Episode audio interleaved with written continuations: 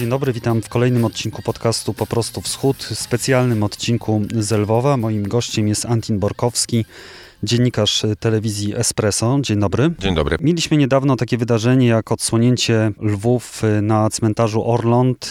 Te lwy, dwa posągi stały przez dłuższy czas zasłonięte. Teraz w takim geście dobrej woli zdecydowano o tym, żeby je odsłonić, czyli tak jak chciała tego strona polska. Czy my możemy powiedzieć, że jest to jakaś oznaka polepszenia stosunków polsko-ukraińskich? Powiem nawet, że to nie jest jakieś zwykłe polepszenia, tylko jest totalna zmiana. Teraz my widzimy naprawdę dużą szansę odejść od jakichś problemów w przyszłości. Być może nawet nie odejść, tylko podejść do nich po nowemu, po innemu. I najważniejsze, że teraz w Ukrainie zobaczyli Polaków nie jako sąsiadów, tylko jako ludzi, jako naród, który chce pomóc Ukrainie. I to całkiem się zmienia to zmienia i wpływa na narrację historiografii narodowej, to wpływa na ocenę społeczną, to wpływa na różne środowiska, które kiedyś można by było oceniać jako nie polonofobskie, tylko środowiska z podejrzeniem patrzące na polskie. I teraz mamy naprawdę nowy odcinek, nową szansę. No i lwy to jest naprawdę drobny moment w tym wszystkim, chociaż oczywiście ważny i symboliczny. Czy my możemy oczekiwać, że będą dalsze kroki, na przykład kwestia ekshumacji zostanie rozwiązana? Myślę, że tak, ale najważniejsze teraz nie przegapić ten moment, to znaczy w tym momencie od dzisiaj na jutro już trzeba, żeby odpowiednie komisje polsko-ukraińskie w różnych dziedzinach zaczęły pracować, to znaczy pracować nie tylko wymieniać się jakimś tam doświadczeniem to, to nie chodzi o sprawach rządowych, tylko o sprawach odpowiednich komisji. Oczywiście, że oni mają teraz siadać do stoła i pracować, pracować, pracować, bądź każde trudne pytanie, to dotyczy trudnych pytań ukraińskich w Polsce lub trudnych pytań polskich Ukraińcy, muszą być natychmiast roz, rozwiązane albo chociażby przeanalizowane i ma być wystawiony jakiś grafik działań najbliższych par, parę miesięcy. Oczywiście, że to wszystko teraz. Twoim zdaniem, jakie to powinny być jeszcze sfery, w których trzeba działać właśnie już teraz, rozmawiać o nich? Edukacja narodowa. Dlatego, że okazało się, że Ukraina nie, nie była przygotowana do wchodzenia w przestrzeń kulturalną nie tylko Unii, ale swoich najbliższych sąsiadów, to znaczy najpierw Polaków, być może Słowaków, być może Węgier. Druga sprawa to jest sprawa kulturalna.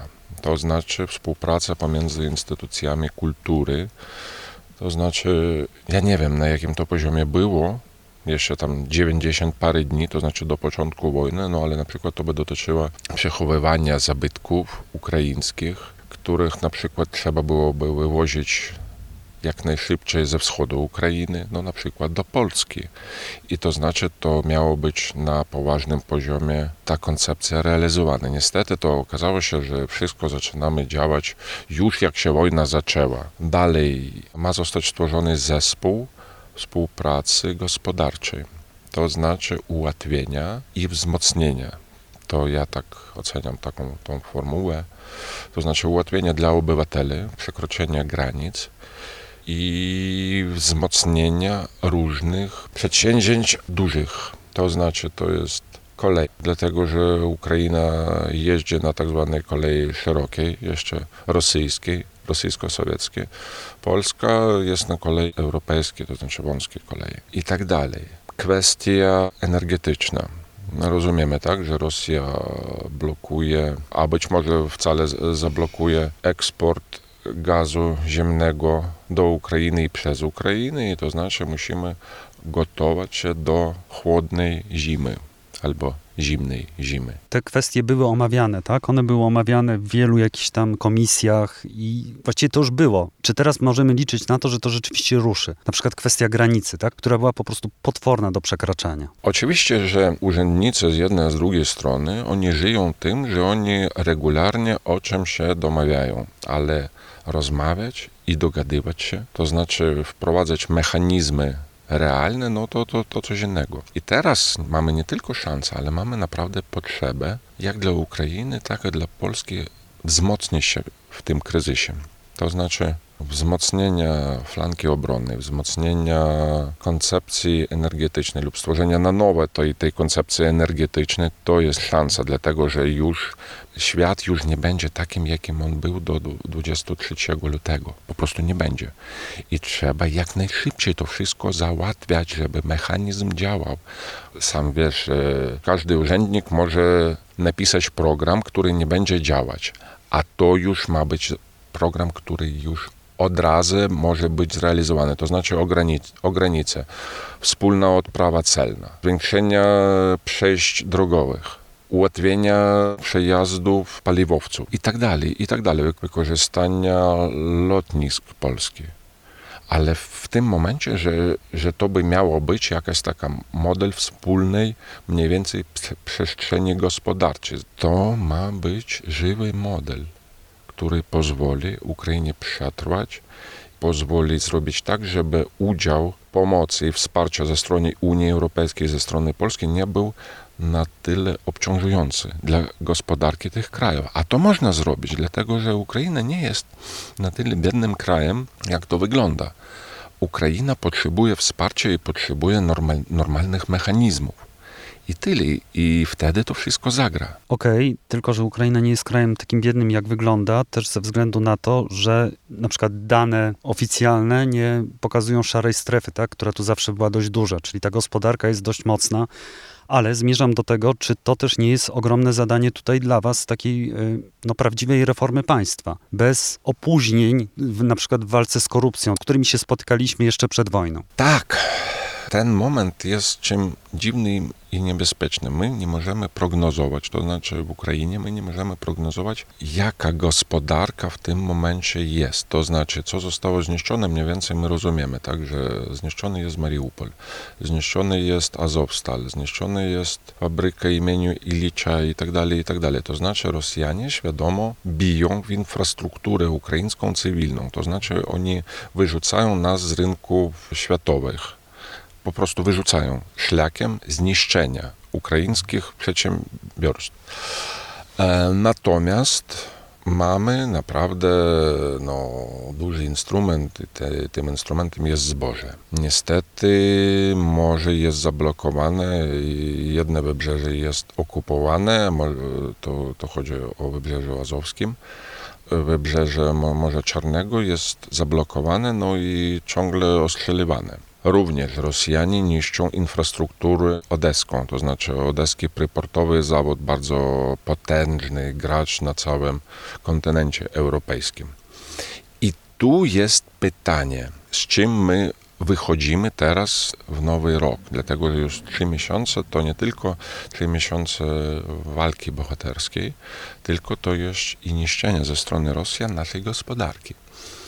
I najważniejsze teraz zrozumieć, żeby w Brukseli to rozumieli, żeby rząd kijowski rozumiał, tak, jak wygląda ta proporcja, to znaczy wydatków, naprawdę dużych wydatków na wojsko, na, na utrzymanie wojska, na utrzymanie uchodźców i co teraz uda się zreformować w tym wszystkim momencie. To, to, to, to, nie chodzi o jakieś tych drobnych łapówkach, jakichś drobnych urzędników. Myślę, że to nie gra w tym momencie. Teraz najważniejsze po prostu przedstawić koncepcję, czym państwo dysponuje, czym dysponuje tak zwany duży biznes, dlatego że zniszczenia Mariupola to nie tylko zniszczenie dziesięć, dziesiątków tysięcy ludzi cywilnych, to jeszcze zniszczenie naprawdę potężnej infrastruktury, która być może no, nie ma analogii na całym świecie, to znaczy e, węgiel, stal i transport morski. No tak, ale to nie przeszkadza w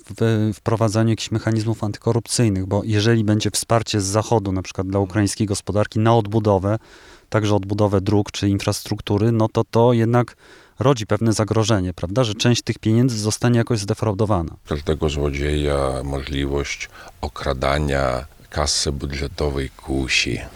Tak, i teraz oczywiście najważniejsze, że, żeby nie było żadnego pytania ze strony tak zwanych donorów europejskich lub ze strony donorów fundacji międzynarodowej lub ze strony Stanów. To znaczy, Moim zdaniem najważniejszym to by było wprowadzenia w te rady nadzorcze przedstawicieli różnych struktur Unii Europejskiej lub Stanów i tak dalej.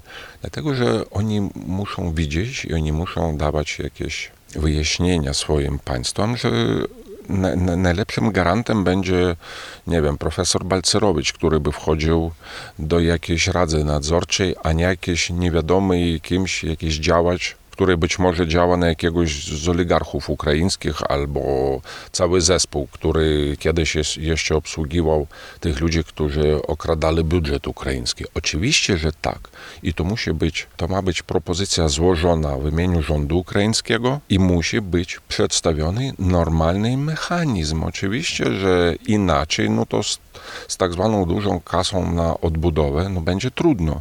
Dlatego, że zaczną bawić się w jakieś takie dziwne konkursy, które być może będą wygrywali firmy związane z tymi lub innymi przedstawicielami rządu, były kierowca tego lub innego oligarchii może zostać szefem jakiejś firmy budowlanej i tak dalej. Nie, to musi być przejrzyste i to jest szans i ta propozycja ma być złożona w imieniu różnych instytucji europejskich, to znaczy najpierw ze strony Komisji Europejskiej, złożona publicznie rządu ukraińskiemu lub prezydentu ukraińskiemu. Oczywiście, że my rozumiemy, w jakim na tyle trudnym momencie teraz znajduje się państwo ukraińskiego. Ale z drugiej strony my rozumiemy, że to wymaga ze strony państwa ukraińskiego i prezydenta Ukrainy bardzo konkretnych sygnałów i bardzo konkretnych propozycji. I moim zdaniem to jest trudno tak, że być może nie do końca jesteśmy gotowi to znaczy, jako rząd, rząd, który w tym momencie jeszcze nie przedstawił strategii działań,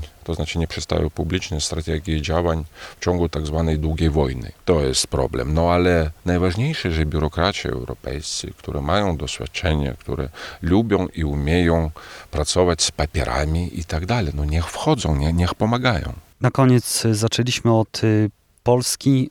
Jakich byś jeszcze partnerów wymienił z tych teraz najważniejszych dla Ukrainy? Estonia, Litwa, Łotwa, Czechia, Słowacja, oczywiście Stany Zjednoczone, oczywiście Wielka Brytania. To znaczy te państwa, którzy nie tylko mówią o problemach lub o zagrożeniach ze strony Rosji, tylko który gotowi działać. I już widzimy no, kształtowanie naprawdę nowej rzeczywistości geopolityczno-wojskowej. Nie wiadomo, jak jak długo to potrwa. Najważniejsze, żeby Ukraina nie okazała się w sytuacji, którą przeżyła Polska e, we wrześniu 1939 roku. Polska otrzymała dużo gwarancji, tak, no ale kiedy doszło do sprawy, to znaczy dlatego, żeby pomagać w sposób wojenny, okazało się, że nie jest tak łatwo. No i teraz najważniejsze, żeby te państwa wykazali swoją chęć, swoje rozumienie, że gdyby coś, to dopomożemy i w sposób bezpośredni. No miejmy nadzieję, że to rzeczywiście takie gwarancje realne zostaną nadane. Antin Borkowski, Telewizja Espresso, bardzo dziękuję. Dziękuję bardzo panu. I to już wszystko w tym specjalnym wydaniu podcastu Po prostu Wschód. Do usłyszenia. Żegna się z Państwem Piotr Pogorzelski.